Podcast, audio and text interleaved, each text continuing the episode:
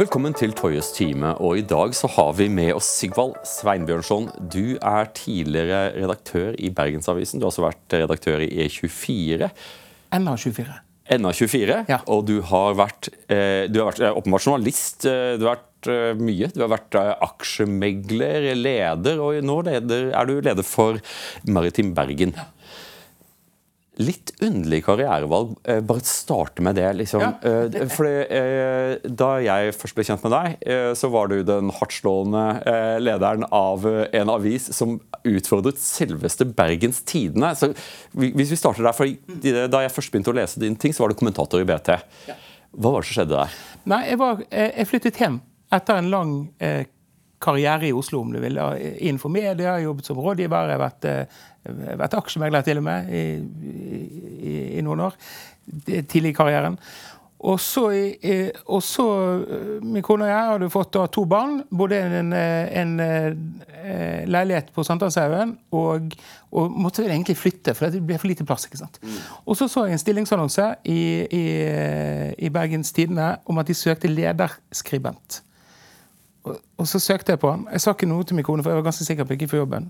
Men så endte jeg opp i Bergen. da. Så, eh, og vi flyttet over. Så satt jeg der. Fantastisk jobb. Eh, du hadde, jeg hadde bare ansvar for meg selv, og da har jeg jo hatt, hatt diverse lederjobber i, i mediebransjen. Eh, eh, og bare, bare konsentrere seg om å skrive. Skrive interessante ting. For det var så himla trygt. Det var, det var Hilde Sandvik var også i BT Ja, da. ja. Og da var eh, bare, for å minnes det, da var, da var Bergens Tidende den ledende kommentaravisen i Norge, i alle fall en stakket stund. Ja, altså, og Det tenkte ikke jeg så jævla mye på. Det var liksom Frank Råsavik som var politisk redaktør sitt, og redaktørene sitt problem. Jeg, jeg så ikke på lesertall, jeg, ba- jeg bare skrev. Eh, og vi prøvde, vi prøvde å skrive ting som var interessante, som kanskje var litt på tvers, som var litt annerledes. Eh, om temaer som nødvendigvis ikke eh, alltid var oppe i dagen. Men, eh, og det, ja, eh, det var en veldig, veldig gøy, veldig gøy tid. Men så ringte telefonen, da. Rundt juletider. Eh, øh, og da, da var det en sånn headhunter som spurte meg om jeg kunne øh, vurdere å kanskje søke på jobben som publisher i Bergensavisen. Mm. eh, så jeg lurte på om de hadde Hva er en publisher for øvrig? ja, det, det vil si at du er både administrerende direktør og, og eh, ansvarlig redaktør. Ja, så du er, det er litt sånn Bob Dylan, one man band med en sånn tromme på ryggen og Ja, ja, du, er sjef, du er sjef, liksom. Ordentlig sjef. ordentlig sjef. Ordentlig sjef Ja. Du har ikke en administrerende direktør, en, en pengeknekt som kan komme og ødelegge for deg. For, skjer det er du sjøl. For, da, for da, da skjer det noe ganske kult. For dette, sånn som jeg, jeg, nå, jeg, jeg har forstått at, at, at Bergen det er Bergens Tidendeland. Det er ingen utfordrere. Men så kommer da denne, denne litt frekkere utfordreren og begynner å utfordre eh, Bergens Tidende på ordentlig. Ja, altså det som, det som skjedde, var at BA, eh, Min vurdering av BA før jeg begynte, da, det var at dette er en avis med, som, hadde, som hadde ganske store utfordringer. Det er en pressestøttemottaker. Eh, Det var en stor avissuksess på 80-tallet, da Ola Terje Bergo tok over. Han ble sittende 27 år som redaktør. Det var en tabloidavis som lagde tabloidskole i Bergen. Alle disse lå, eh, de hadde en nettavis, ba.no, som var veldig tidlig ute, og som da hadde en posisjon. Eh, Og så hadde, eh, så hadde kanskje avisen gått litt, seg litt vekk. Samtidig så var Bergens Tidende og det, det, det var enkl, mye enklere å se det fra utsiden, men, men hadde også liksom beveget seg litt vekk fra Bergen. Så min analyse var at her åpnet det seg rom for en lokalavis. Som lokalavis, sånn som, som jeg kjenner det. Jeg kommer litt utenfor Bergen, et sted som heter Hålandsdalen. da. Der hadde vi Os og Fusaposten. Sant? Det er en lokalavis eh, som har litt andre kvaliteter enn Bergens Tidende, eh, Dagens Næringsliv. Sant? Det er en helt annen sjanger. Og, og eh, BA, som hadde da en eh, hardtslående tabloidkultur, eh, frekk Eh, mye fok De hadde en helt fantastisk flinke forsidesnekkere. Eh, så jeg tenkte, her er det jo potensial. Problemet er avisens opplag har gått ned, ned, ned. ned, ned. Så det var sånn jevn eh, Når opplaget går ned, så går pressestøtten ned, og da må du slanke staben. Og så går opplaget ned, så går pressestøtten ned, så må du slanke staben. Den syklusen hadde de vært i egentlig fra 2009. Dagsavisen-utfordringen. Ja, det veldig veldig vanskelig å komme seg ut av. Eh, så begynte jeg der, eh, et, et, eh, og det var, det var kanskje det skumleste jeg har gjort. For jeg visste det. For det Du nevnte eh, karrieren min. da. Jeg har jo ingen utdanning. ikke sant? Jeg er en sånn Rolling Stone. Kom rullende ut fra grunnskolen. Er det sant? ja, det er helt sant. Jeg, har, eh, jeg, jeg er nesten, Det eneste jeg har formell kompetanse nå, er jo lappen, og den fikk jeg når jeg sluttet i VEA. okay, at, eh, Men, men man har jo lært seg litt etter hvert. da. Ehm, eh, Men vi, vi fikk da vi fikk da pilene snudd i BA. Og det handler mye om selvtillit i, i organisasjonen. kommer en ny leder inn, som jeg var så heldig å kunne gjøre det. Og så får du liksom mer Drit i de trafikktallene, lesertallene. Så skal vi lage saker som, som rister litt her i byen. Eh, flytte lederen frem. Eh, vi har en leder i avisen. Eh, eh, og det, var, det, det de som leste den på papir. De har jo ikke lest noe på nettet.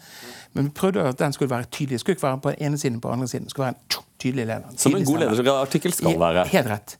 Jeg lærte et sånt triks, da, ikke av Kåre Valbakk, men det var Kåre Valbakk som lærte det bort til noen jeg kjenner. Du skal alltid innlede en sånn lederartikkel med eh, ordene 'Nå er det faen meg nok'. Og så, må, må du ta de vekk etterpå. Sant? Før det går i trykket. Og det trikset har jeg brukt mange ganger, også i Bergens Tidende. Um, Det var et kjempegodt tips for meg. ja, det er det. For da har du en riktig innstilling. Da, da har du riktig utgangsfart, liksom. Nettopp. nettopp. Eh, Uh, og så uh, Og vi brukte, brukte liksom uh, papiravisen også. Den var, så Husk på papiravisen. Det var ingen som likte papiravisen i konsernet eller noe sånt. Men den står jo utstilt, ikke sant? Ja, ja. Det, er- det er utstillings- utstillingsvinduet. Det blir mindre og mindre verdt, men det var verdi. Sånn, og, og, og, og, prøve å gnage på. Så snudde vi disse pilene. Vi sørget for at hvis du skulle lese BA, så måtte du betale. Ja, Vi lukket alt. Ja, for det var, det var den store utfordringen. for Når du først har begynt å gi noen nyheter gratis, så er det vanskelig å få dem til å betale. Men du forteller ikke hele sannheten her. For jeg, jeg Ja. synes å minnes at eh, Kjøpte ikke dere treningskampene til Brann? Jo, altså, men øh, øh, I begynnelsen så var jo sånn, øh, det var jo et kuttprosjekt. ikke sant? ja. Eh, og så begynte vi å få litt sånn medvind. Uh, og da begynner ekspansiviteten. Da begynte vi å tøffe oss litt. Ja. Ja? Det var lang vei opp til, til, til uh, Bergens Tidende. Altså. Opplaget vårt da, eller antall betalende abonnenter lå under 11 000. Sant? Omtrent da jeg begynte. Og så begynte vi å få det der. Noen tusen til. Noen tusen til. Eh, og så så vi det Vi var jo da eh, Eller BA eh, var og er eh, eid av, av media. Eh, Ca. 70 av aksjene. Og så Sparebanken Vest med 10 og Trond Moen med 20. Eh, så det, det, forankret lokalt eierskap altså. Og Amedia hadde begynt å, å eh, kjøpe rettigheter til, eh, til lokalfotballen. Breddefotballen. Breddefotball. Eh, så det begynte vi å sende. Altså, vi, vi, vi sendte ut eh, kamerateam som tok, tok da og sendte disse breddefotballkampene. Eh, og så eh, kom treningskampene til Brann ut i markedet. Og vi bestemte oss for at eh, dette her skal vi ha. Her ser du verdien av, av lokal kunnskap. for det så som, eh, som østlending eh, Brann har ikke vært et bra fotballag på svært svært lenge, sett fra, sett fra Oslo. Ja, ja, ja. Og, eh, og for meg så fremstår treningskampene til Brann som være for, for svært spesielt interesserte. Men det funka, altså? Ja, det, det funket. Og, eh, og vi hadde bra med seere på men det som var greien, var at eh, der, der, det var første gang vi liksom skremte BT. For at, dette var jo budkamp, ikke sant? Vi, jeg kan ikke si hvor masse vi lå på, men det var masse. det, det, det, det var så mye at eh, det, var så mye at, eh, at eh, Grunnen til at vi vant, det var at fullmakten til de som forhandlet for BTs side, gikk ut. De hadde aldri trodd at vi ville gå i sånne summer. Ja. I dag så er, det kanskje ikke så masse, for disse rettighetene har blitt veldig høyt priset, men den gangen var det det. Så, så, og da begynte vi på en måte å bli sånn, lagt merke til. Det andre vi gjorde, var å satse på kultur. Kulturjournalistikk. Eh, eh, og eh, det var vel det var en sånn her debatt i Bergen eh, mellom meg og, og tidligere sjefredaktør i Bergens Tidende, Øyulf Hjertnes, eh, der, der de gjorde en opptelling. Det viste seg at vi skrev like mye om harmonien som det de gjorde. Det, Dette er jo helt uhørt. ikke sant? Det er veldig interessant at du skulle si det, for vi, vi, gjorde I podkasten med, med Bjørgulf Brånen fra Klassekampen så forteller han en lignende historie om at eh, det var Dagbladet som var kulturavisa. Og så sluttet de å investere i kultur, og så, fikk, klasse, så valgte de å få det bokbilaget.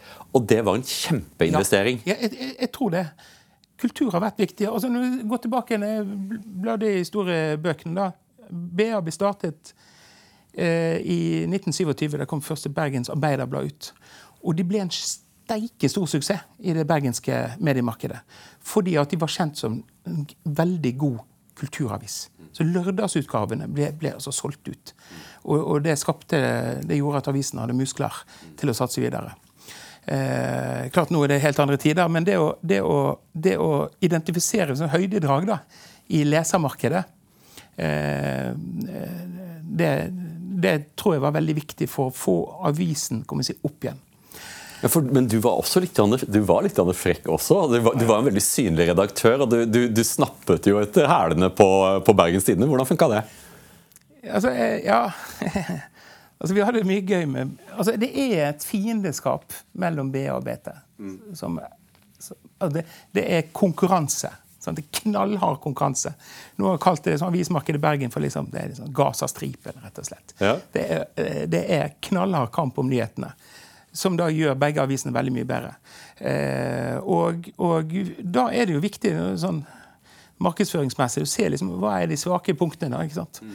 Eh, hva, hva, er, hva er som, som eh, altså Vi ville jo være en, en, en, lokalavis. Vi skulle ikke være BT. Vi skulle ikke mm. kopiere BT. Vi skulle være en lokalavis som ligner mer på Os og Fusaposten enn på Aftenposten.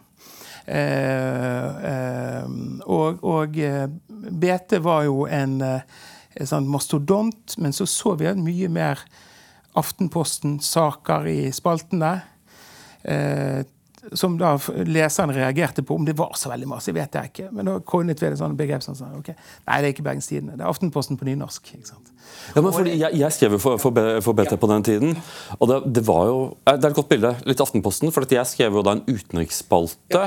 Eh, og, så, og, jeg så jo også at liksom en del av kommentarene var litt sånn tertefint, litt sånn snerpete Aftenposten-aktig.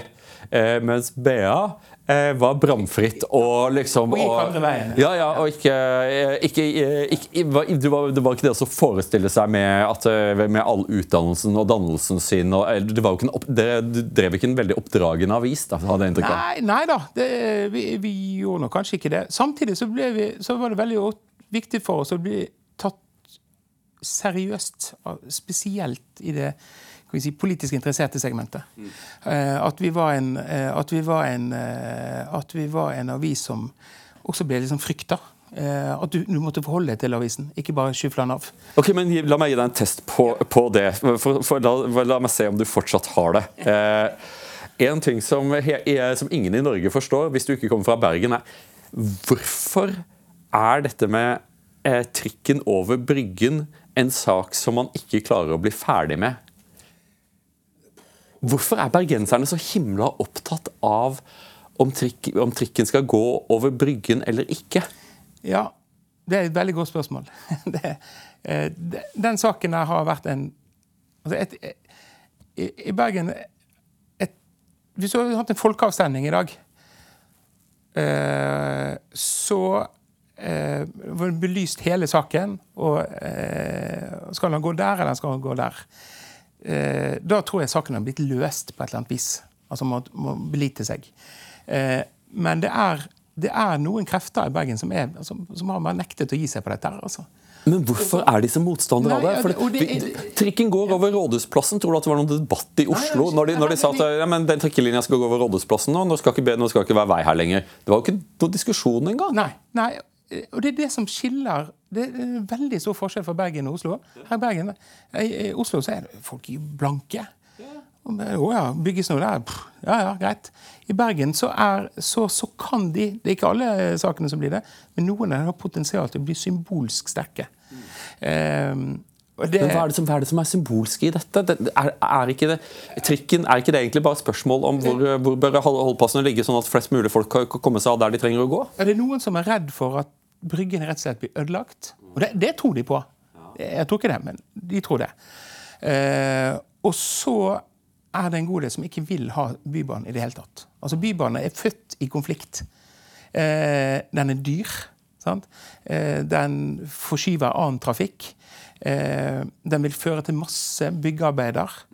Og så er det en del som bare sier Men faen, alle andre steder så hadde de lagt den i tunnel. Hvorfor kan den ikke ligge i tunnel? Hvorfor skal han død og liv gå over der? Kan ikke ligge i tunnel, da?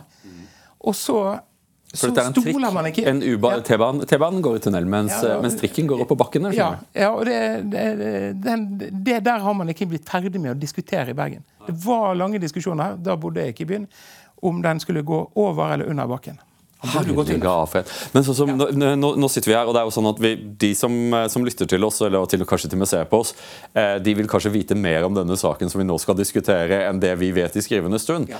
Eh, men eh, sånn i går kveld så ble tidslinjen lagt fram, og Bergens store datter, Erna Solberg, eh, eh, synes å være i en svært utsatt posisjon. Hvordan leser du denne saken? For dette er jo en av de mest uventede politiske krisene jeg noensinne har opplevd. Erna Solberg har jo vært egentlig synonym med eh, gjennomsiktighet. og det, det, Hun har aldri vært oppi, no, eh, oppi noe sånn snuskaktig.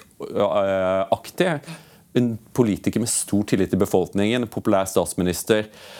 Allting syntes å gå så bra. Eh, og da etter et fantastisk valgresultat i lokalvalget, der Høyre er det største partiet, så skjer det Hva er det som har skjedd her nå? Hvordan tenker du? Ja, Så rakna alt den fredagen. For det, det, var, eh, det har jo vært en del mediesaker om Finne sine aksjer eh, greier. Og så kommer den her 3642 handler eller noe sånt. Ikke sant? En enorm sum. Eh, hva tenker, men hva tenker du som avismann? Ja, nei, altså eh, Dette kommer i rekken av en, altså, mange sånn politikerskandaler. Som egentlig handler om integritet. Eh, hvilken integritet har de? Og så omformer de den til tillit. noe av det mest hellige vi har. Tillit. ikke sant? Eh, eh, og den kommer på en måte som en sånn crescendo på toppen av, for den er så stor. Så kommer disse mistankene om innsidehandler, og at han har brukt sittet i statsministerboligen liksom, under koronatiden, og alle som måtte sitte hjemme.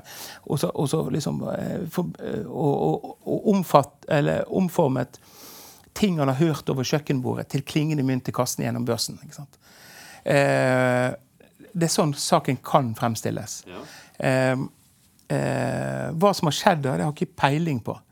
Men spørsmålet er nå det store spørsmålet er én kommer Erna til å sitte, eller kommer til å gå av?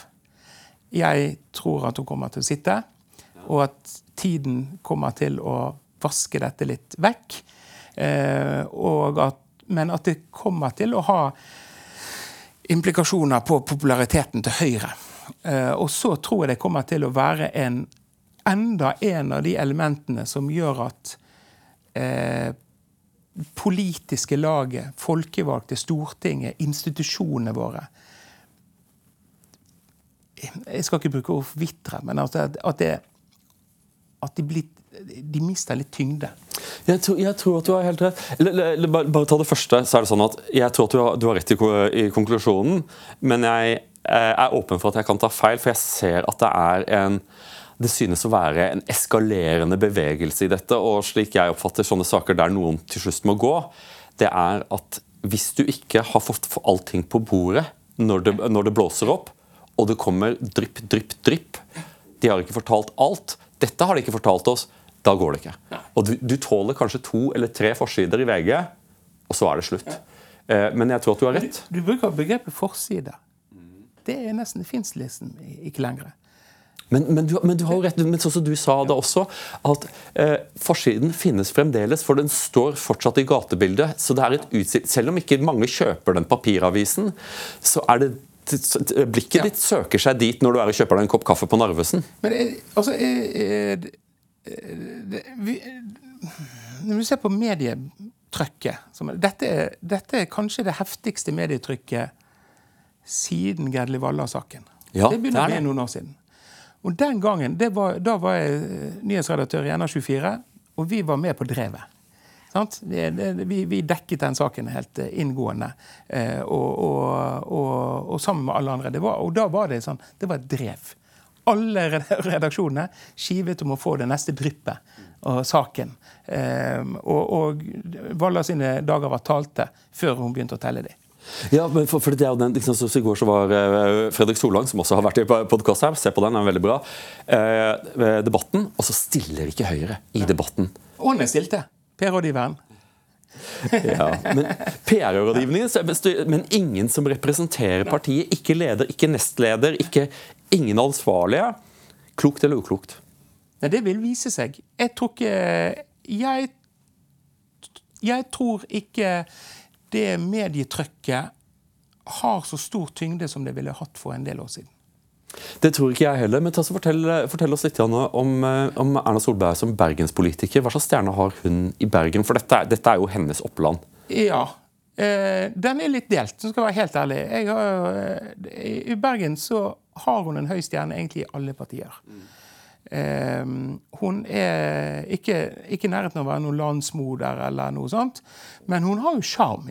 Og de hun har stilt opp imot, har jo vært litt sånn grå, da, særlig Jonas, da, som har vært sånn grå gubber fra Oslo vest. Mm. Som gjerne ikke har sånn spesielt altså, Deres sjarm kommer jeg ikke gjennom i Bergen.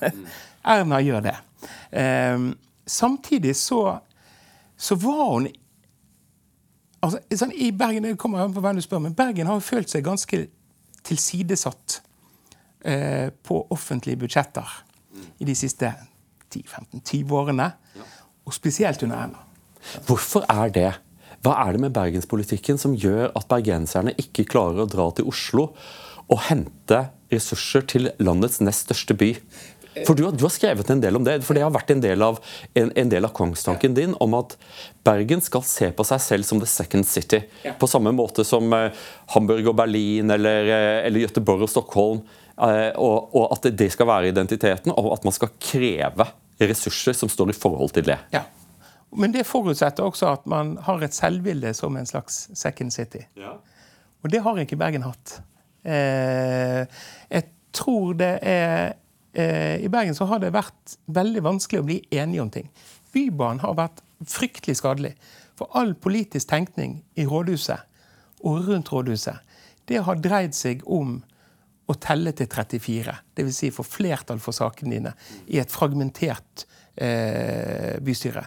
Også når Bybanen ikke De diskuterer jo ikke Bybanen hver dag. Tvert imot. Sant? Men det er den, den det, Bybanesaken og uenigheten rundt det pluss parlamentarismen som han har i Bergen, har gjort at det er ikke noe, det er ikke noe, det er ikke noe politisk kraft til å reise ting sammen. Så det blir bare virak ut av det? Det blir bare virak ut av det. Ja. Ta ett eksempel. Dette er fra da jeg var redaktør.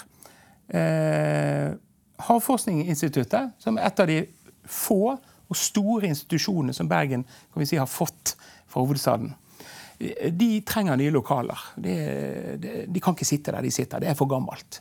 Det må flyttes. Eh, og da startet det en lokaliseringskamp i Bergen. Skal de ligge i Marineholmen, eller skal de ligge på Dokken? Masse greier. Eh, da eh, Statsbygg, som basically bestemmer dette her, bestemte seg her i Oslo, eh, at den skulle ligge på Dokken eh, det, er en, det, er en, svær investering til Bergen. Sant? Da kunne man jo tenke seg at det kom en minister, kanskje en statsminister, over og liksom eh, fortalte de glade nyhetene. Her skal det bygges. Hvis, du, du, du, du, sa sittet og sett på NRK. På, på, Filmavisen så er det jo det som skjer. ikke sant? Ja, ja, ja, Einar Gerhardsen besøker Bergen. I, I, dag skal det nye skipet sjøsettes. Og hy hvor det går. ikke sant? Det, I Bergen de, har de bygd det største skipet, har blitt kontrahert og skal nå seile på, på banantransport. ikke sant? Da var det jo en, eh, at Oslo var jo stolt av Bergen. Man måtte da til Bergen, ikke sant? Og hele Bergen møtte opp. Og, og Bergen hadde sin funksjon. Eh, Stavanger hadde sin funksjon. Eh, eh, Trondheim hadde sin funksjon. ikke sant? Og Bergen da, Havforskningen skulle få et nytt bygg, og, og, og mange milliarder skulle brukes osv. Så, videre. så kommer det altså en stortingsrepresentant fra Frp. Eh, og liksom deler ut nyheten. Så de fikk, de fikk gullmedaljen? de fikk gullmedaljen. Og hvorfor da kommer, hvorfor kommer ikke? Jo, for en, en, politiker fra Bergen da, eh, eller en politiker fra regjeringen har ikke lyst til å blande seg inn i det der eh, så det er, det, er, det er, så vanskelig. Men så, som, i dette valget så har vi fått en nykommer som jeg, jeg vil gjerne høre hva du tenker om. Industri- og Næringspartiet eh, har gjort et brakvalg på Vestlandet. Hvorfor det? Eh, Eh, jeg tror det er flere grunner til det. Jeg vil ikke stemple de som et protestparti. Fordi det, er, det ligger liksom mer djupt. Eh, I Bergen så hadde vi, og også på, Vestlandet, men spesielt i Bergen, så hadde de bompengelisten for fire år siden. Eh, de slo gjennom spesielt i bydelene som ville bli hardt rammet av den ytre bomring altså, som, som merket bompengene på, på, kroppen. Og det var en protestbevegelse. Eh, dess mer vi skrev om det i avisene, dess høyere gikk oppslutningen. For folk var liksom Det var en sånn kan jeg bare, hoppe, kan jeg bare hoppe inn? Ja. Jeg satt og leste i, i, går kveld, jeg valgte han som søvnløs, og så satt jeg og leste britiske nyheter. og De hadde innført en, en ny sånn miljøklimabomring. Ja. Hvor det har oppstått en sånn Robin Hood-kultur der ungdomskriminelle raserer kameraene. og det, I enkelte bydeler så er 290 av 300 kameraer nå eh, vandalisert. Og hvor da uh, ungdommer som ødelegger kameraer, blir, blir applaudert av forbipasserende. For det, den, denne avgiften oppleves ikke som legitim. Og staten virker totalt overrasket over at befolkningen jubler over 20-guttene som ødelegger offentlig infrastruktur. Eh, men det skjedde ikke i Norge. I Norge så, så fikk vi dette bompenger. Men det var vel et protestparti? Det må vi vel kunne si? Det var et protestparti. Mm. Eh, eh, ganske klassisk protestparti. Ja. Og den fikk effekt. Ja. For det, det, kom jo bompengeforlik, og, og politikerne forsto at ok, der gikk vi litt langt fram. Litt raskt fram. Og de, og de blir jo svære i Bergen, ikke sant. Mm. Men mange stemmer De fikk mange stemmer, spesielt liksom i bydelene. Litt ute. Bergen nord, altså Åsane, der jeg bor. Eh, og, og Randsone kommune. Der ble de ganske store. For de, de var forbanna. Og, de følte, og jeg tror at mange av de stemte litt på pur F. De visste at dette kommer ikke til å bli noe av, men for å liksom markere en slags avstand til alt det, til etablerte. Mm. Eh, Frp hadde også en sånn runde på 90-tallet i Bergen. der De, de kom opp i 20 mm. eh, og, og ble etter hvert opp og ned. Liksom, liksom flaksende politisk kraft i Bergen. Eh, bom, nei, INP har kommet mer sigende. Eh, og, eh, og, det var sånn, sånn eh, det har, Dess mer oppmerksomhet de får, dess mer eh, Det beste som kunne skje, det var jo denne debatten på NRK. For det, det, er sånne ting som kan løfte et sånt parti. De har, de har sikkert altså, de har, de har to-tre saker som jeg tror treffer veldig godt. Og den viktigste er det tror jeg er norske, det som har skjedd i norske energi- og kraftsystemet.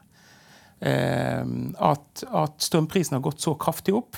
Vi har gått for å være en, en stabil, trygg altså Historien om Norge som en energinasjon.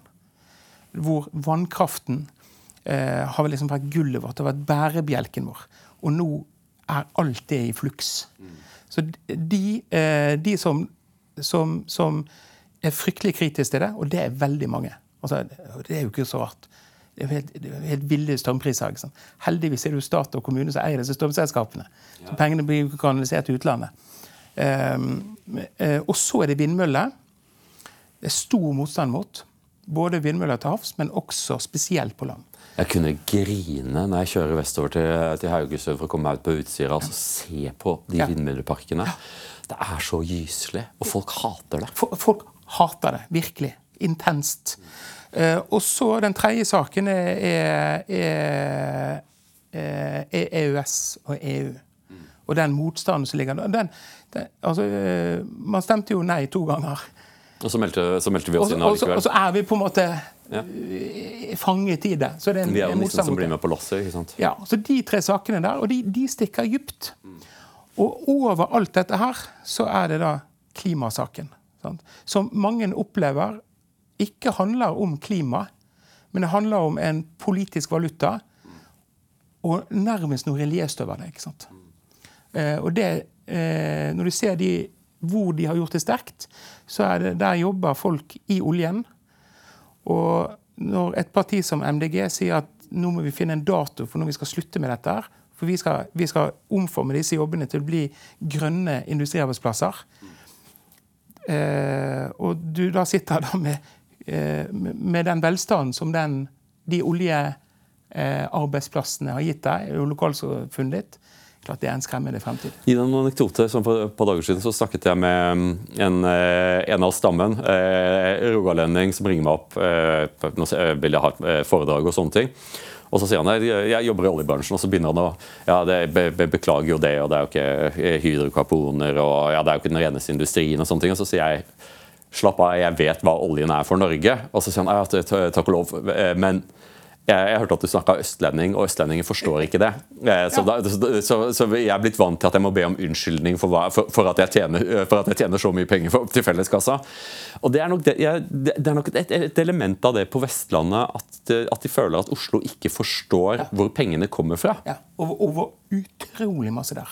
Ja. Altså Det er, eh, det er eh, enorm verdi eh, som pumpes opp men ikke bare pumpes opp, som også fins i industrien rundt. Industriarbeidsplasser, i teknologibedrifter som er som helt eh, Og mange av de veldig lønnsomme nå, men det er ikke så veldig mange år siden disse ikke var lønnsomme. altså.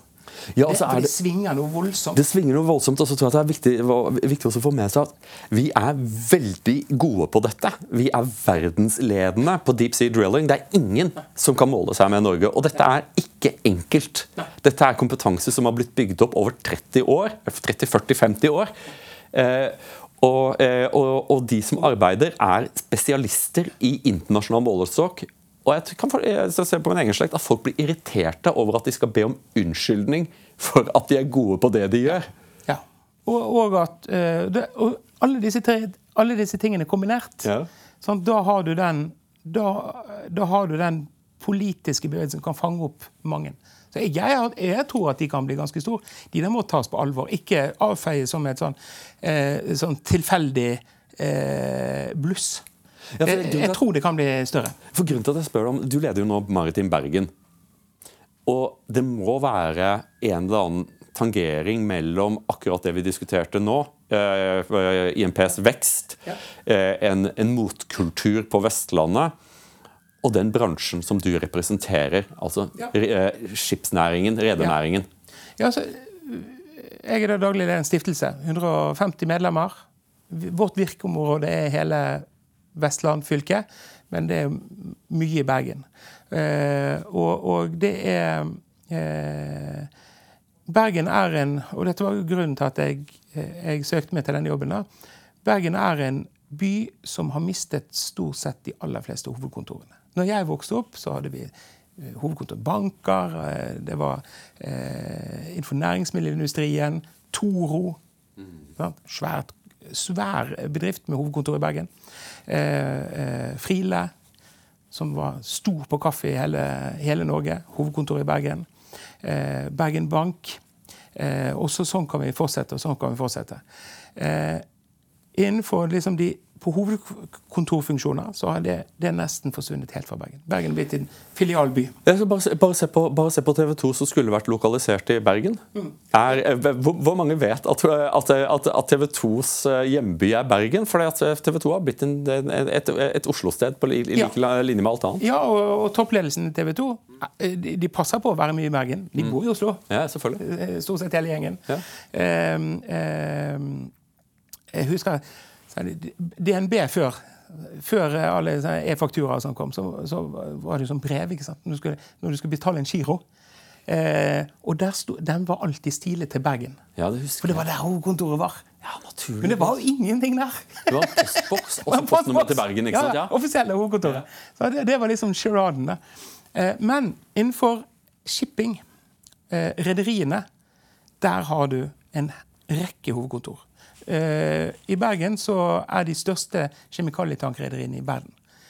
Odfjell, Utkilen, Hansa Tankers. Det er mange av de. Det det dette er store selskap. Ikke så veldig mange folk som jobber der. Det er mange folk som jobber om bord på båtene deres og på terminalene og i, rundt omkring i verden. Grieg-gruppen, altså en svær, svær aktør. De har hovedkontor i Bergen. Beslutningen blir tatt i Bergen. Det gjør at leverandørindustrien har tung tilstedeværelse, hvis de er gjerne hovedkontor. Eh, eh, banker DNB har ca. 2000 ansatte i Bergen nå. De hadde kanskje hatt 400 hvis det ikke hadde vært for disse hovedkontorene. Og så innenfor shipping så er det et komplett arbeidsmarked. Det, det, det, altså i Bergen. Med alt fra fagarbeidsplasser til ph.d.-nivå. ikke sant? Med rederier, med leverandører og alt som tilhører den sfæren, det økosystemet. Eller klyngen, om du vil. Innenfor sjømat så er det også eh, sånn. Eh, der har vi store altså Flere av verdens største oppdrettsselskaper og hovedkontor i Bergen. Så skjedde, kom lakseskatten sant, i, i fjor. Da, da, lå jeg på hotell her i Oslo, og så kom den nyheten. Ping. Da hadde jeg noen aksjer. Det hadde jeg for øvrig aldri når jeg var redaktør. Jeg ville aldri anbefale Har man eh, sånne jobber, så skal man ikke ha aksjer. Hva med din kone? Ingenting. Ingenting. Jeg tror ikke han har VPS-kontoen. Ja. Håper jeg. Nei. Um, um, og så kommer da nyheten om lakseskatten. ikke sant? Uh, I Bergen så skjer det ganske lite. Det, det, Bergen er ikke den byen som sitter seg opp på, på barrikadene og skriker. Der er altså hovedkontoren til de største selskapene. Movi og uh, Lerøy. Holder til i Bergen. Svære aktører. Globalt store aktører. De er helt stille for Bergen. Eh, eh, og uh, hvis det skulle skjedd shippingnæringen, for der er det også en skattegreie ja. uh, Et rederi som sitter i Bergen,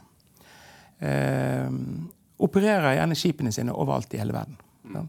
De er i konkurranse med kinesiske, amerikanske, Sveits Aktører fra hele verden. I en ekstremt kapitalkrevende og lite tilgivende marked.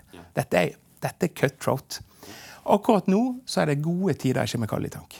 Men det har vært syv år som har vært helt grusomme. Hvor du ikke får avkastning på stålet.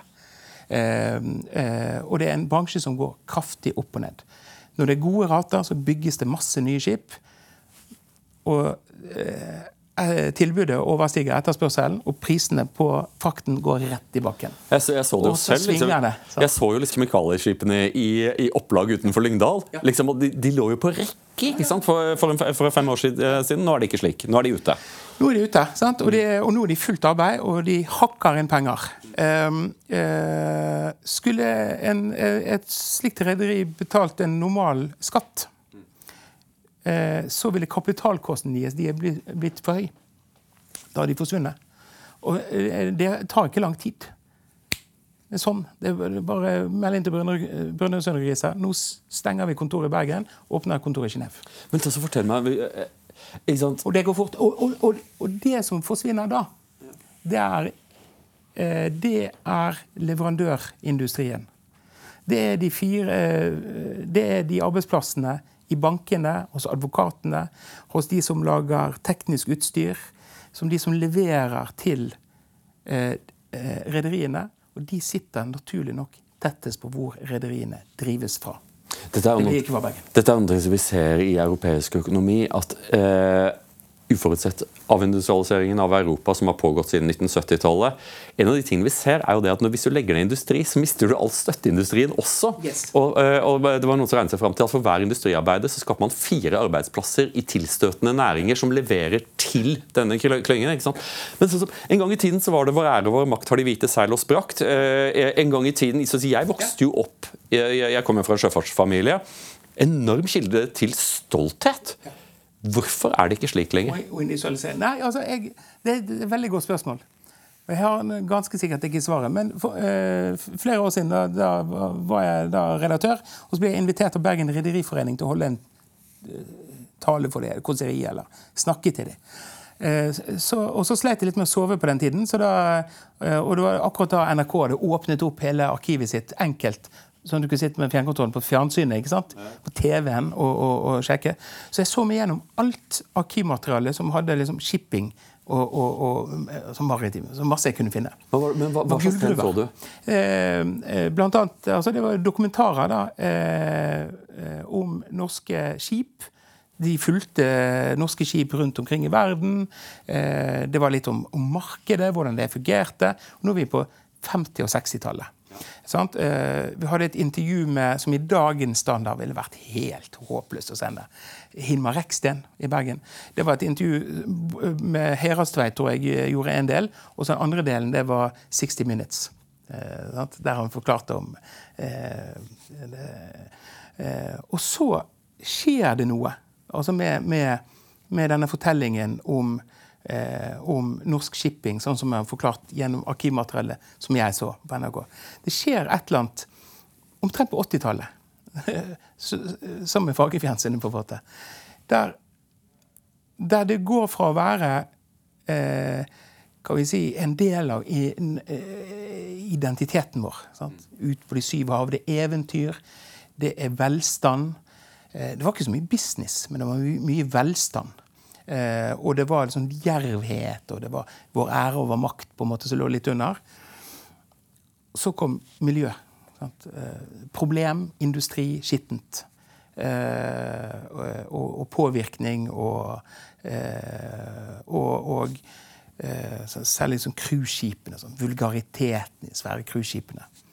Eh, og det var nok noe der som skjedde. for på den samme tiden så ebbet på en måte virksomheten i shipping, som man kan se når man bor i Bergen eller Lyngdal eller i Arendal eller eh, langs kysten, så er så, så er det eh, Altså Før var båtene gjerne inne i Bergen og ble fikset på før de gikk ut igjen. Du hadde folk som jobbet i handelsflåten i slekten din. Mm. Eh, en bror, en onkel eller et eller annet. Sånn er det jo ikke lenger. ikke sant? Den virksomheten er på en måte langt vekk. Mm. Den er langt vekk. Eh, jeg tror mange, eh, veldig mange arbeidsplasser i Bergen, en veldig stor arbeidsgiver, eh, leverer til rederiene sånn tekniske komponenter, pumpesystemer, dieselaggregater osv. Men, men selve virksomheten når du er i Bergen, når du er i Norge jeg, er vekk. ikke sant? Den seiler på andre siden av eh, jordkloden. Ja, det, ja, det, er mange, det, er mange, skip som aldri, som aldri, kommer inn. og Så var det jo en sånn periode at, uh, at eh, alle sjøfolkene var norske. Uh, alle onklene mine var sjøfolk. Og så ble det sånn at sjøfolkene ble filippinere og, og andre, men at, men at, men at, men at offiserene og kapteinen var norsk. Men kapteinen er ikke norsk lenger. I, I alle fall ikke i den grad det var tidligere. Ikke den grad det var tidligere. Og på offisersnivå så er det, det er noen norske igjen, men det er, det er færre og færre. Og de, disse, disse som går til maritim virksomhet, de som er og har sertifikatene for for, eh, for å, seile store skip langs kysten, de blir eldre og eldre. De, de, de, pensjonerer seg snart. I løpet av de ti neste årene så er den andelen halvert. Ikke, det er ikke mulig å, å få erstatta dem. Hvorfor, hvorfor har ikke samfunnet vårt investert i at vi har den kompetansen vi trenger i en ekstremt viktig sektor for økonomien? Ja, altså, en ting er dette, Det andre er jo sikkerheten vår ta Forsvaret og på Marinen. De skriker etter folk. Det vil ikke hjelpe å bygge en haug nye krigsskip når du ikke har folk å sitte om bord. Ja, du ser jo det på fregattene våre at eh, Jeg vet ikke hvor mange av dem vi har, men det er bare én som kan seile. Men interessant nok, etter Helge Ingstad-ulykken, så har søkertallene til Sjøkrigsskolen gått kraftig opp. Ja, så synlighet hjelper, altså. Synlighet hjelper. Uh, ja. Men så, jeg, jeg, jeg, I din innledning så, så, så merket jeg en, en, viss sånn uro over hva kan staten finne på med denne næringen. Hva er det, hva er det du er bekymret for? Uh, hva er det Maritim Bergen er, er ja. hva, hva, ønsker Maritim Bergen fra staten? Nei, Det eneste som, som vi ønsker, og som medlemmene våre er veldig, veldig klare på, dette er det viktigste, det er stabilitet rundt rammebetingelsene. Altså ikke skap usikkerhet rundt eh, skatteordninger. Eh, nettolønnsordning for sjøfolk, eh, som faktisk betyr en god del fremdeles. Eh, og for, for beskatningsregimet. For da forsvinner disse, disse miljøene.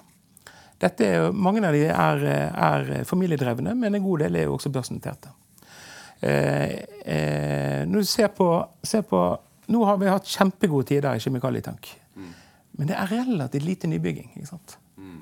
Det er relativt lite nyetableringer. Det kommer lite til. Ehm, det tror jeg har litt å gjøre med Og dette er liksom ikke, ikke fordi at det er Arbeiderpartiet som sitter i regjering. Det, det er ikke, altså, så kortsiktig er man ikke. Eh, men fordi at man er, man er usikker om det er her man skal investere, eller andre steder. Ja, for, for, for du... og, og, og, kapitalen, altså. rett og slett, Den flytter på seg. Og så er det den tredje, den, den andre store store utfordringen. Og der vil denne bransjen trenge litt hjelp.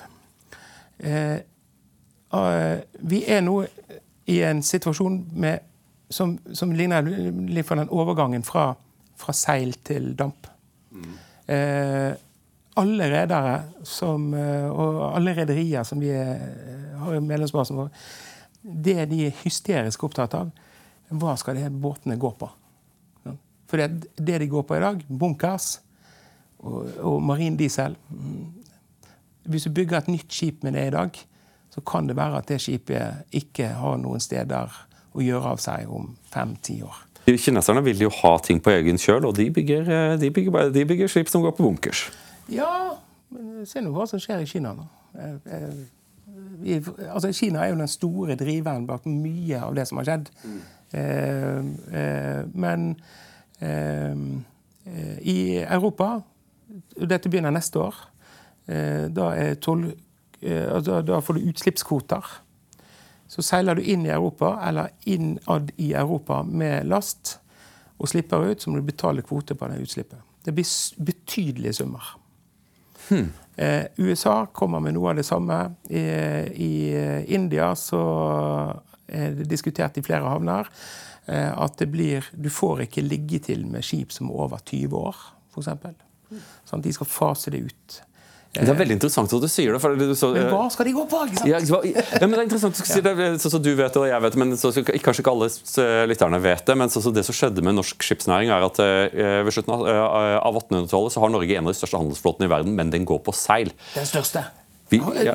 Enorm. Enorm, ikke sant? Ja. Og, så, og, så, kommer dampen. Norge holder seg til seil, mens alle andre begynner å legge om til damp.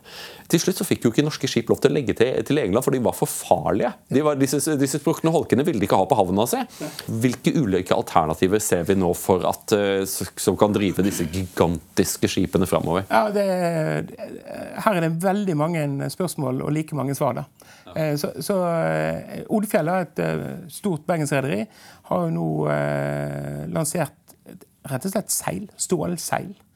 Eh, eh Seatankers, et, eh, et annet rederi fra Bergen, har veldig stor effekt med sånne rotorseil. Magnus-effekt-seil. Ser jo veldig rart ut, men det går som en kule. Jeg har sett det. Det er så fascinerende. Det er utrolig fascinerende, Og som reduserer da eh, drivstofforbruket dramatisk. Og klart, Drivstoff er den viktigste enkeltkostnaden du har som rederi. Du vil ha den ned. Så de, de, og drivstoff er lik utslipp. Så, eh, eh, så, så dette, er, dette, er, de ganske opptatt av. Um, Men er, det, er, det, ikke en sånn fare liksom VHS eh, mot Betamax-utfordring? Eh, at hvis du satser på Betamax, så, så, så, kommer du til å tape? Det er, det er, dette, er, dette, er, en alvorlig utfordring. Altså. Det er en altså. alvorlig utfordring. Du bruker veldig mye tid og krefter Eh, på dette. her. Og det er, det er dyrt, ikke sant. Eh, et rederi i Bergen som, eh, som heter Misje, de, det er såkalt shortsea. De, de går med tørr bulk langs kysten og ned til Baltikum og ned til Europa. De har da investert i De har da konvensjonell drift, men så har de en svær batteripakke.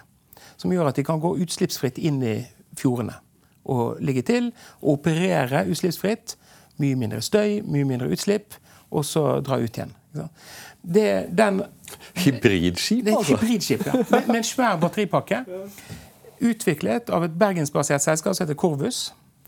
Det selskapet hadde aldri sett dagens lys hadde det ikke vært for at Statens vegvesen bestemte seg at vi skal ha elektriske ferjer. Ja, ja. Så kom den industrien. Så begynte den å bli tatt i bruk. Men Misje, rederiet Misje de, har, de, har, de fornyer hele flåten sin nå. Jeg tror de har fått levert fire sånne skip. Skal, eh, de bygges, jeg tror de bygges nede i Sri Lanka eller eh, og, og, eh, og, skal inn i flåten. Men det er en, den ekstra kostnaden er ganske stor. Og den betaler ikke kundene deres. Nei, nei.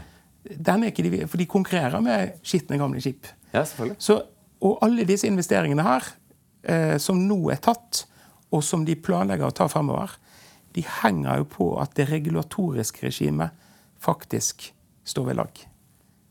Ja. Her er det en vanskelig sak. ikke sant? Ja, men, Hva kommer til å skje med det? Jeg snakket med en, eh, med en dansk kollega statsviter, og forteller om Mersk i Danmark. Og nå, nå, nå, må folk ta dette med en klype salt, for dette er noen ting jeg ikke vet noe om. Dette er en del av en samtale som, som dekket mange ting, men hvor han sammenlignet eh, shippingnæringen i Danmark med Wallenberg i Sverige. At shippingnæringen tas hensyn til. Eh, shippingnæringen blir konsultert av politikerne, for de vet hvor viktig den næringen er. Og hvis de ikke behandler den skikkelig, så vil Mersk dra. Og de forstår at Mersk må ikke dra. Eh, sånn som med Wallenbergene i, i Sverige. At, eh, at Wallenbergene blir konsultert skikkelig. Man, man, man begynner ikke å, å, regulere uten å spørre. Hvorfor er det sånn i Norge at, at, at det huset vi sitter ved siden av, Stortinget jeg tror at de færreste vil si at reguleringen av, av oppdrettsnæringen var en, en suksess.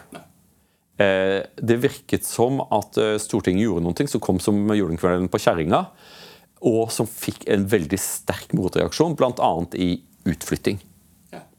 Hvorfor er det slik i Norge? Hvorfor, hvor, hvor, hvorfor er vi så ulike i nabolandene våre på akkurat det punktet? Jeg, jeg vet ikke.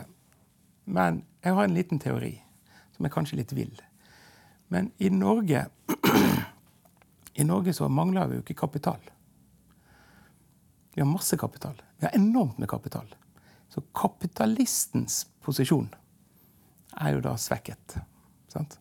Staten er sin egen kapitalist i Norge? Ja, vi trenger, vi trenger, altså, vi trenger vi har masse penger. Ja. Og det, eh, Når det kommer til eh, oppdrettsnæringen, da, for eh, så, så er jo det en sånn eh, bransje som de siste årene har hatt en superprofitt. Jeg kommer fra oppdrettsland. Ja. Eh, da jeg vokste opp, så gikk disse oppdrettsanleggene konkurs. Det var ikke god business. Og det er en, det er en business som svinger. Det litt, ligner veldig på shipping. Det er en, det er en grunn til at Jon Fredriksen eh, gikk inn i Movi. Det er, som det litt av det samme businessen. Ja, men også igjen så er det viktig å få med seg at det, er mange som driver med oppdrett. Det er bare det at vi er best. Vi er, best. Vi er, vi er gode på dette. Ja. Skottene driver med chilenerne driver med ja. det. det er liksom, saltvann er ikke knakk gode på, på, den planeten. Men vi får det til. Ikke sant? Ja, i Bergen, eh, altså i, på Vestlandet så har reguleringen sammen med barn. De har mye konflikter, de er jo uenige. Og, og de som driver oppdrettsanlegg, har lyst, til å gjøre enda mer. Men kombinasjonen av reguleringen, Havforskningsinstituttet, forskerne og alt dette her har, har, vært veldig bra. Det har tjent alle vel. Og så er det en kapitaltung, eh, kapitaltung industri. Eh, eh, og den blir enda mer og mer kapitaltung.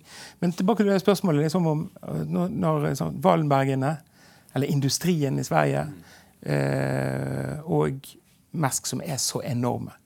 Men, Mersk, er, Mersk er en stor laks. Men, men, men, en, liten, en liten parallell til Mersk. da. Det var ikke så veldig stort rederi helt til konteinerne kom. Eh, da, satt, da, da, var det jo en del norske rederi som ikke gikk på container. Og det hadde noe enkelt med hvordan de har kontrahert skipene sine, hvor lenge de skulle bytte. sant? Mm. Så plutselig så kommer da containeren og tar hele tramfarten, der Norge var svære. Wilhelmsen, Knutsen i eh, Haugesund. Og de var radert ute, ikke sant? Eh, og det er det som gjør denne businessen så interessant, det er at den er så omskiftelig. Mm. Og, og, det snur, og det snur fort. Og den er veldig, veldig kapitalkre kapitalkrevende. Men det viktigste er jo de menneskelige ressursene kunnskapen om hvordan man opererer. Eh, og da ta risiko i nye segmenter når man ser at det man opererer innenfor, ikke fungerer. Annet industrieventyr fra, fra, fra Vestlandet. Eh, Framo, Frank Moen, som eh, produserer pumper. De produserte, og Nå forenkler jeg historien masse. Men de produserte, de hadde ganske god business på å lage sildepumper. Forsvant jo silda. Mm. Samtidig så sitter da Odfjell og Stord Nilsen og andre kjemikalietankrederier i Bergen og sier at hm, vi skulle hatt noen konkurransefortrinn mot de andre kjemikalierederiene.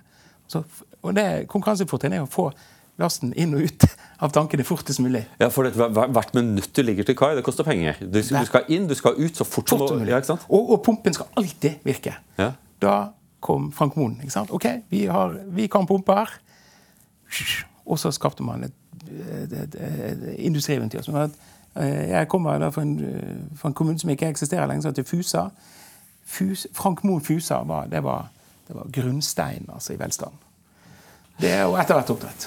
Men så, så du, du, sitter jo og, og leder nå Maritim Bergen, så du er jo egentlig mersk, da? Eh, eh for, du, ja, ja, ja, for Sumtotalen av dine medlemmer er, er noe svært. Ja. Eh, I Bergen er dette svært, og nasjonalt er dette stort. Men hvordan, hvordan, hvordan, gjør du arbeidet ditt oppe? For jeg går ut fra at du også har myndighetskontakt. Har du det? Ja.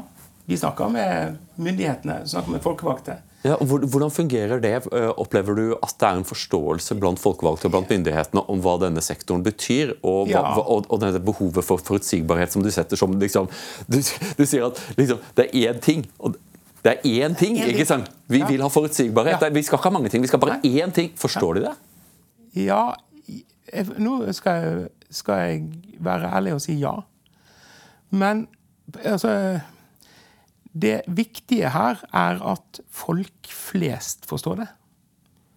At, eh, at byen, at Vestlandet forstår det. At, er, at, at, disse tingene er viktig å ha litt sånn ro rundt. Eh, og at denne bransjen er litt viktig. Det, det tror jeg er viktigere. altså.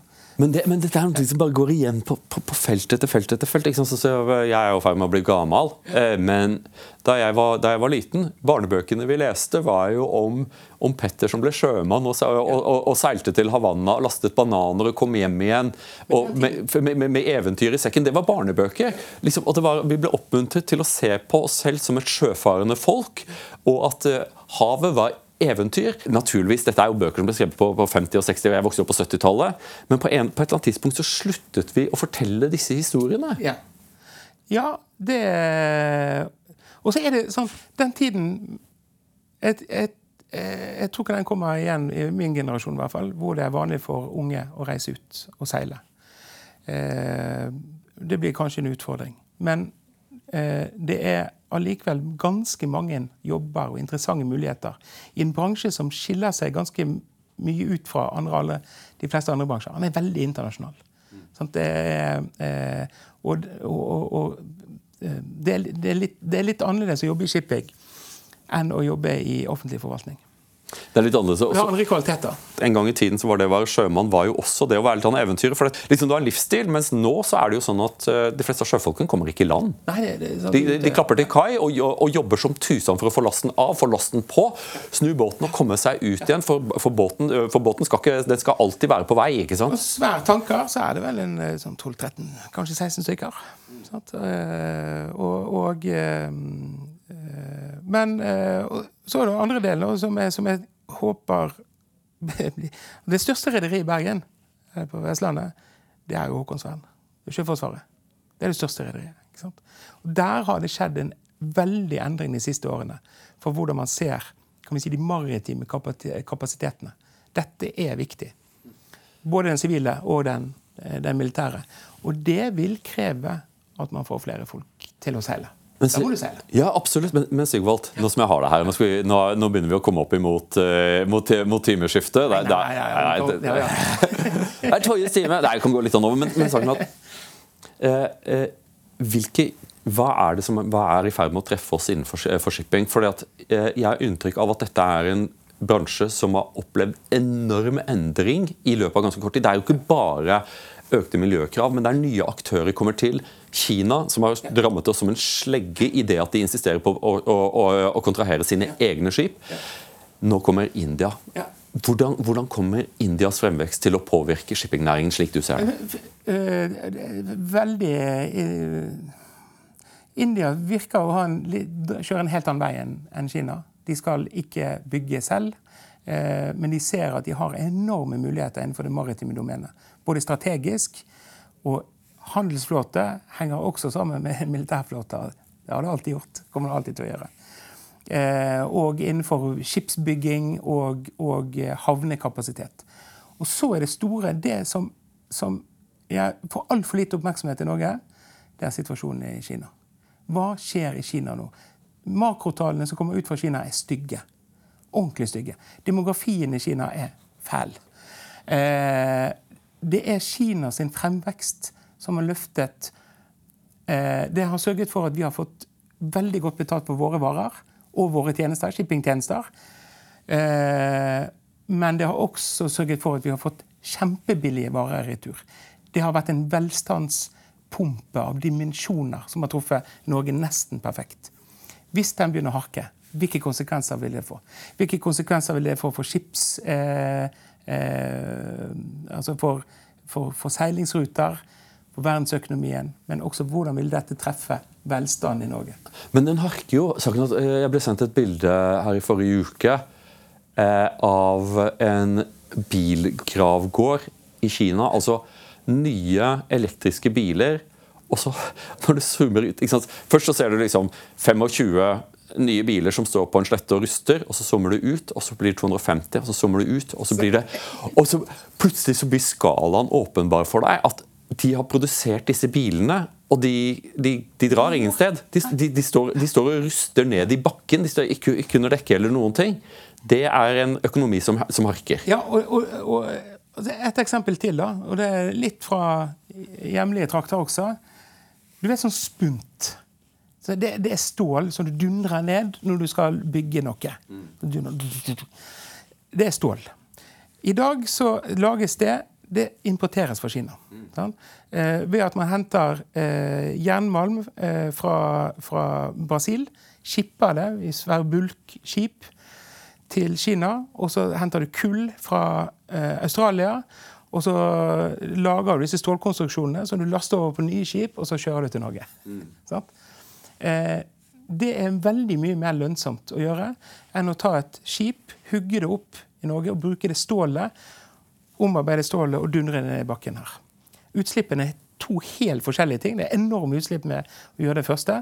Det er veldig lite utslipp med det, første, eh, med det siste. Eh, eh, og skulle Kina liksom falle fra, ikke ha den posisjonen lenger dette, så, så, det kommer til å få noen voldsomme bevegelser. Det kommer til å skape masse nye muligheter, helt sikkert. Men det kommer til å skape ganske store bevegelser. Så spørsmålet er det kan India ta litt av den posisjonen og veie opp noe av dette her? Kanskje mye av det. Og vil det være muligheter for shipping der? Ja, åpenbart. Shipping er en eh, Det er en eh, det er en cutthroat business. Det er, det er, veldig veldig høy konkurranse. Men det er også en business hvor de, de, de er frenetisk på, på utkikk etter, etter investeringsmuligheter og, og, og, og steder å, å, gjøre business. Men er vi våkne for dette? Så vi, hadde lederen for, Nei, for, for, vi hadde lederen for opposisjonen i India fra, fra Congress Party, Rahul Gandhi, var i Norge og holdt foredrag ved Universitetet i Oslo. Jeg var der, snakket ja. med en av hans rådgivere. Og så spurte, så spurte jeg han hva er, det, hva er det dere er interessert i med Norge, for dere har besøkt mange land. Ett ord shipping. Shipping, ja. Jeg hadde eh, eh, ambassadøren i, indiske ambassadøren på besøk eh, her forrige uke. Og inviterte oss ned til, eh, til en shippingkonferanse som skulle være i New Delhi, men modig, og bare skar gjennom. Nei, dette må være i en kystby. Så en, uh, Litt mer enn en måned før konferansen skal skje, så flytter han hele greia. Så de flyt, og de flytta det til, til, til, Indias svar på Bergen, som ja, er Mumbai. Mumbai. det hadde vært veldig gøy å ta turen ned. Vi ser hva vi kan få til. Men der, der, ligger, det, der ligger, det, muligheter, altså. Ja. Eh, eh, Eh, og så har du andre shippingmetropoler. Hongkong, Singapore. Der har, eh, der eh, har, eh, både bergenske og norske shippinginteresser holdt på i 100 år. Eh, India er, har, har, vært utfordrende. fordi India har først, Det er først i 2016 de begynte liksom å våkne opp og bestemme seg for at de skal ta en maritim posisjon. Dette går jo, det tar jo litt tid. Og så må vi huske på at shipping verdensøkonomien. Hvis du ser på børsene rundt omkring i verden, Oslo Børs er en av de store shippingbørsene i verden. Dette er ikke stort på Wall Street. Altså Shipping er, For meg har det alltid vært litt sånn wow.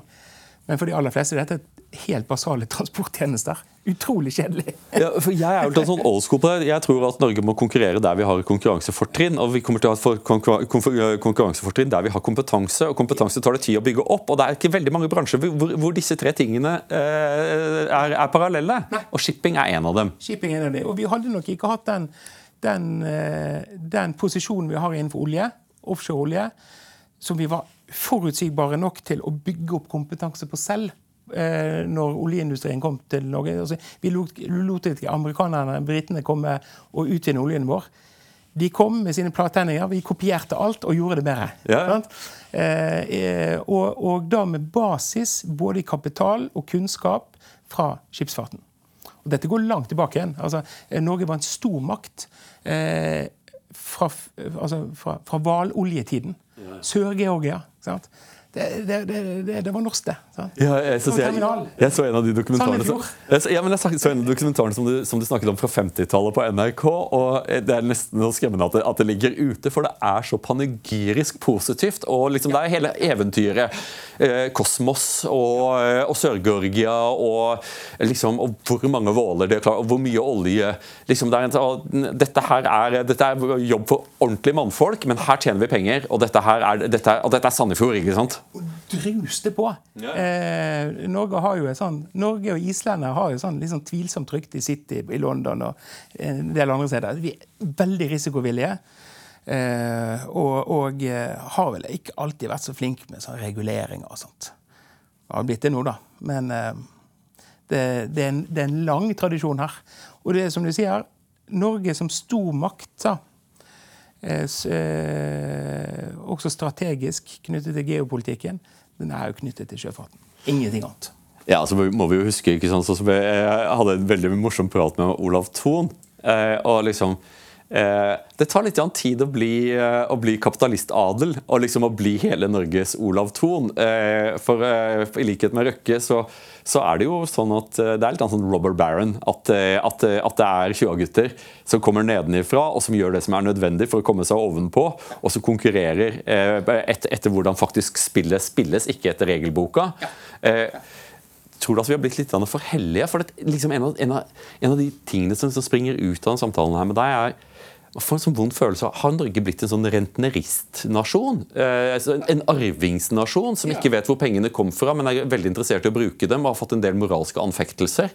Ja, litt, eh, det, det er et mulig bilde, som jeg tror er ganske riktig. Altså, vi, Kapital er ikke lenger et problem.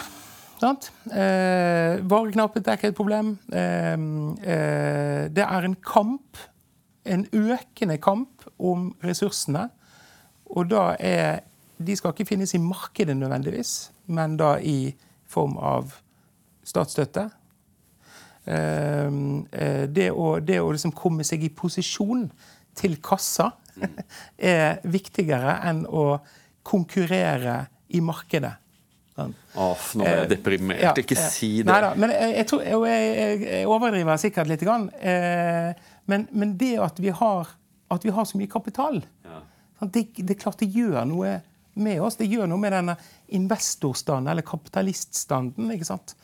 Um, eh, også, for det, det norske samfunnet er på en måte bygget opp av en slags kamp mellom arbeiderne som selger sine, sin, sin arbeidskraft, og fabrikkeierne som kjøper arbeidskraften. Det har vært en sånn, en, en sånn eh, Og så har man klart eh, det, det er jo sosialdemokratiets triumf etter krigen å forene disse to. Ja. Og har gjennomskapt en ny spenning mellom offentlig sektor og privat sektor. og så, og så kommer den offentlige sektoren som, ikke, som nesten ikke eksisterte før. Men hvor, når var det den virkelig vokste på turbo? Og det var under Høyre og Fremskrittspartiet, Venstre, KrF under Solberg. Når du se- ser på utgiftsveksten, Men det er også direktorat og sånn. For det, det er av og til som en følelse at, eh, at eh, mange land har en offentlig sektor, mens i Norge har offentlig sektor et land. ja. og det, eh, hvor, Det er stort, det er stort, ikke sant? Det er stort. Eh, eh, og og, eh, og eh, Men samtidig så er jo innenfor deler av offentlig sektor er jo veldig pressa. Veldig pressa. Eh, og så er spørsmålet er det snakk om Og nå snakkes det mindre om penger, eh, men struktur. At man, må, at man må gjøre, man må innrette tjenesteproduksjonen annerledes. Eh, eh, og det tror jeg eh, det tror jeg de er nødt til å gjøre. Det tror jeg at du har helt rett i. Sigvald Sveinbjørnson, det har vært så utrolig hyggelig å få prate med deg i dag. Det er, du, er jo, eh, du er jo bladmannen som kom inn fra kulda. Jeg følger deg. Eh, Jeg ville veldig gjerne se deg skrive igjen, for jeg husker de lederskribentene du hadde i BA. Og de var jo ofte så skarpe og infame at det var jo obligatorisk lesning. Selv, selv, selv, for oss som ikke var bergensere, så var det noen ting som jeg unnet meg. Eh, så jeg håper jo at du kommer til å skrive litt. Om du, om du gjør det for, eh, for, for Maritim eller andre, så håper jeg virkelig at du kommer til å gjøre det. Og jeg tror at eh, du er rett mann på rett plass. Eh, jeg, jeg er glad for at du sitter der du gjør, for vi trenger noen som kan forklare sjøfartssektoren til et folk som kanskje ikke lenger vet hvor pengene kommer fra, og, hvordan, eh, og hva vi er gode på, og hva vi ikke er gode på. Nei, men Det er veldig gøy å komme. her. Og jeg kunne sittet mange timer til. Hvis du skal lage sånn 24-timers episode, så si ifra. Ok, men da har, da har vi en del, del om det. Vi tar en 24-timers. ja, ja, ja. Toyers 24, 24 timer. Takk så mye. Hyggelig.